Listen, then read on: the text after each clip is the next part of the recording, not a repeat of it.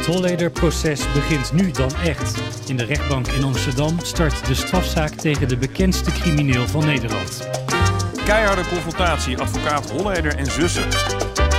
Ja, maar ik sla mijn kind niet. Maar is wat anders. Een kind slaan is een, een kind van de jaren 5, 6 slaan, of 10 of 12 is wat anders.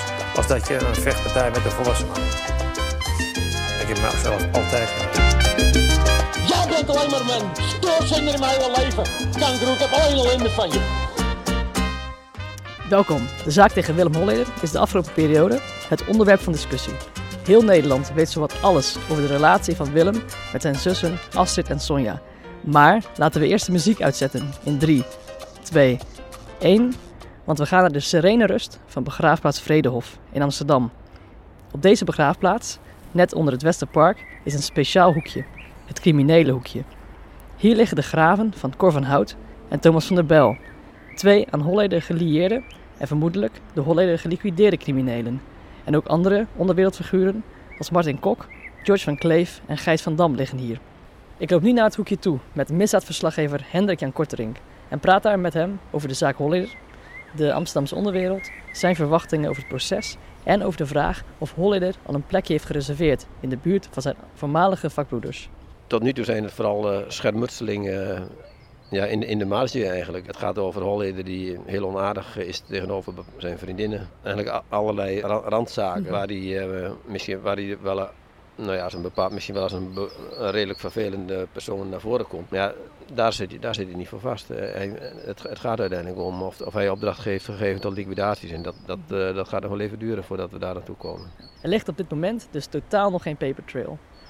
Nee, en het is ook de vraag of die er überhaupt komt. Alleen, de, ja, een rechter moet, uh, moet ook de moed hebben om hem, om hem vrij te spreken als, als ze denken dat het bewijs onvoldoende is. En ja, het verleden heeft wel geleerd dat dat nog niet zo makkelijk gaat in dit soort zaken.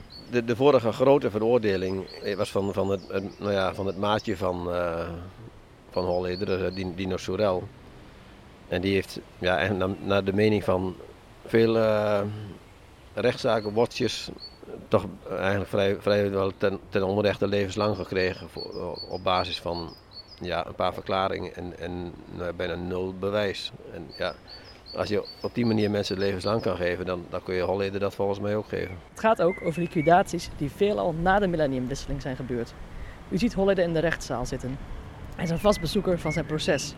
Zit hier ook dezelfde persoon als degene die opdracht gaf voor deze liquidaties? Ja, dat weet ik niet.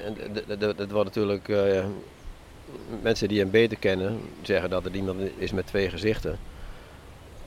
En dat zou best kunnen. Ik heb hem. Uh, ik ken hem maar met, voornamelijk met één gezicht. Ik heb hem zeg maar, na zijn vrijlating uh, nog één keer gesproken. vrij uitvoerig. Toen ik bezig was met een boek over Cor van Hout. Dus ik had hem eerst gevraagd of, of hij er ook aan wilde meewerken. Dat, dat wilde hij niet, maar hij wilde er wel even een gesprek over hebben. Dus daar heb ik toen heb ik hem gesproken en dat was, uh, ja, daar was niks, uh, niks, niks verkeerds aan. Maar ja, als je nu al, al die alles, alles hoort, hoe hij met andere mensen omgaat, dan is het duidelijk dat hij ook een hele onaangename kant heeft. Dat, daar ben ik wel van overtuigd. Ja, het is ook een beetje zoals je, als hij ook in de, tijdens het proces uh, te horen is, dan, dan maakt hij toch een vrij normale indruk met, met uh, veel gevoel voor humor en, en heel veel one-liners. En, uh, het is een beetje hetzelfde als Astrid Holleder, zijn zus, die, uh, die maakt er ook een hele show van. En die, ja, dat is, voor ons is dat allemaal smullen, die heeft, die heeft, die heeft echt hele goede teksten. En ze zijn wat dat betreft helemaal aan elkaar gewaagd, dus het is een, het is een soort volkstoneel voor het publiek is dat, is dat, is dat heel aantrekkelijk. Je, ziet natuurlijk niet zo vaak in, uh, in rechtszaken dat, dat mensen zich zo goed kunnen verwoorden en, en zo, zo, ja, zich zo goed, goed zichzelf neer kunnen zetten. Een zittingsdag, waar we de komende weken weer meer van gaan hebben, kost al gauw 12.000 euro per dag. Er zijn 65 zittingsdagen ingepland voor dit proces. Hoeveel mag een misdadiger in Nederland eigenlijk kosten? Is inderdaad een hele fundamentele vraag. Uh, ja, daar, daar zit, ik me, zit ik zelf natuurlijk ook heel vaak over te, te pijnzen. Ik, wist, ik ken dit bedrag niet, maar ik weet hoeveel advocaten er zijn. En wat die advocaten, die, ja, dus ze doen het zogenaamd uh, prodeo, maar dat is dan nog, nog altijd een uh, uurtarief geloof ik van iets van 100 of 200 euro.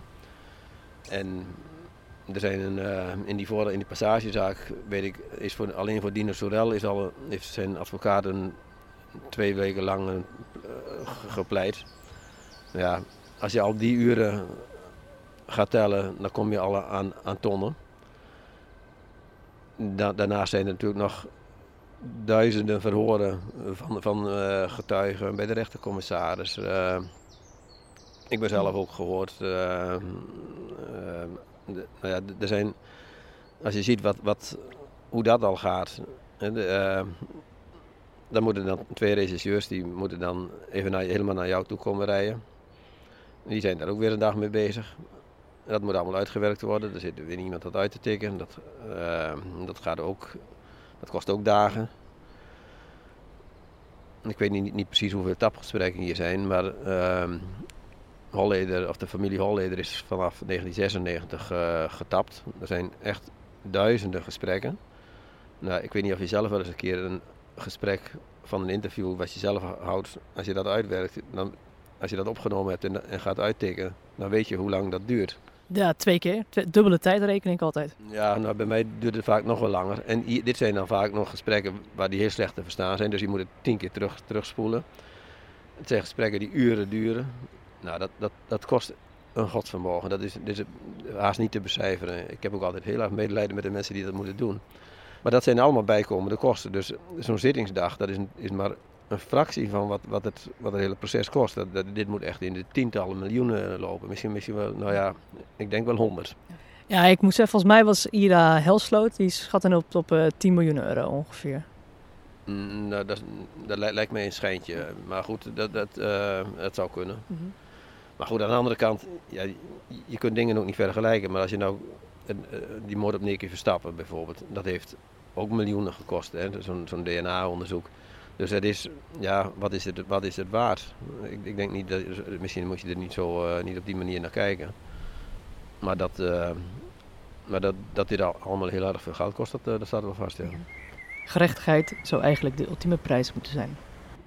Ja, nou ja, kijk, het zou mooi zijn als je dan daarna ook het gevoel hebt van er is gerechtigheid geschied. En dat heb je juist bij dit soort processen vaak niet. Juist bij dit soort megaprocessen, dan worden mensen juist vaak vrijgesproken omdat ze heel veel advocaten uh, hebben. En het, wordt, het, wordt, uh, het wordt ontzettend ingewikkeld gemaakt. En vaak ontspringen dan juist die, die mensen de, de dans. Dus de gerechtigheid is niet het eerste wat bij mij opkomt bij dit soort zaken. Ik, het lijkt me eerlijk gezegd niet aannemelijk dat, dat we hier ergens in de buurt nog een plekje voor Willem Holleder hoeven te reserveren. Ik weet niet waar de holleders liggen. Uh, er, er, liggen hier echt nog wel een heleboel. Ik denk dat, het zou dat hier nog wel heel wat bekende mensen liggen hoor. Uh, Thomas van der Bijl ligt hier uh, ergens in de buurt. Uh, onder meer Wubbe Okkels. Uh, in principe, dit soort begraafplaatsen komt ook iedereen weer samen. En, het is een beetje de, de, de, wereld weer in het klein eigenlijk. Ja, zo zijn er zoveel. Kijk, dat is natuurlijk het punt met heel veel van, die, nou, van dit soort criminelen. Die zijn wat, wat interessanter vaak dan de, de doorsnee burger. Ik bedoel, ze, ze, hebben hele foute kanten en ze hebben heel veel leden aangericht vaak hoor. En dat, en dat, dat bedenk ik mezelf ook wel steeds hoor. Ze hebben natuurlijk echt ontzettend veel onheil aangericht. Ja, mensen vermoord of laten vermoorden. Maar ja, dat, dat, dat, denk je niet altijd aan als je met, met ze zelf omgaat. Dan zie je de, de, menselijke kant van de personen. Ja. ja. Nou ja, kijk, en, en zoals hij, Cor en, en, en Martin, dat waren ook gewoon interessante, ja, in de omgang voor ons, zeg maar, als persen waren dat ook leuke figuren. Maar er zijn natuurlijk ook een heleboel van die criminelen die, uh, ja, wat echt gewoon hele nare, vervelende klootzakken zijn. Waarvan je eigenlijk alleen maar kan hopen dat ze zo snel mogelijk doodgaan. Wat denkt u dat we kunnen verwachten uh, midden mei met de eerste grote inzittingsdag en de periode daarna? Dus Peter de Vries moet ook nog een dag terugkomen. Want de vorige keer, uh, hij stond voor, gepland voor de donderdag en dat ging toen niet door omdat hij dat, uh, de, zijn programma de Raadkamer moest voorbereiden. En ja, ik schat eigenlijk dat, dat ze dat ook, nou, toch ook, ook een half mei gaan doen. En dat, dat, dat kan ook nog wel weer spannend worden. Ik ben vooral benieuwd naar de reactie van Holleder zelf. Hij zat nu een aantal keren uh, echt heel schadelijk te lachen of opmerkingen te maken. En uh, een paar keer ging hij ook flink tekeer. Maar hij heeft zich nu nog aardig bedwongen, want dat gaat hij in één keer doen aan het eind van de, van de rit. Dus dat, dat, ja, dat, dat kan nog wel wat vuurwerk opleveren. Want er zijn natuurlijk een paar hele rare dingen gebeurd. Vooral met, uh, met het tekenen van het contract voor die, uh, voor die Amerikaanse film. Dat, dat is zo merkwaardig gegaan. Ja, ik ben toch heel benieuwd wat, uh, wat, wat de Holleder daar nog over gaat zeggen. En u denkt, u, u zegt dat alles in één keer uit gaat komen. wordt dat dan een, een uitbarsting die Astrid en Sonja beschreven de afgelopen jaren? Of... Nou nee, maar dan krijgt hij zelf, ik denk dat hij daar zeker gebruik van zal maken, dat hij Peter zelf een aantal vragen gaat stellen. Dat heeft hij nu allemaal toch nog, nou ja, op een paar, paar korte commentaren na heeft hij zich nu, uh, heeft hij dat nu beperkt. Maar dat zal uh, ja, aan het eind van het verhoor van de Vries, dan zal hij gelegenheid krijgen om die vragen, zelf die vragen te stellen. Dus daar, daar hoop ik nog wel op enig vuurwerk. Mm. En de zittingsdagen van deze en komende week met Astrid onder meer dan? Nou ja, dat, dat, is hetzelfde. Daar zal hij ook aan het eind van, aan, nou, na het laatste verhoor, zal hij ook waarschijnlijk nog wel iets willen zeggen. Nog wat willen vragen. Ja, je zit, met, met Astrid merk je dat het echt, echt water en vuur is. Die, dat, is uh, over en weer zo. Uh, er zit zoveel haat en agressie. Dat, ik denk dat, dat daar niet echt een goed, goed gesprek mogelijk is. Nadat het proces tegen Willem Holleder verder is gegaan met het verhoor van zijn zus Astrid, volgt het verhoor van Peter de Vries. En wordt de moord op Cor van Hout en de doodslag op Robert ter Haak besproken.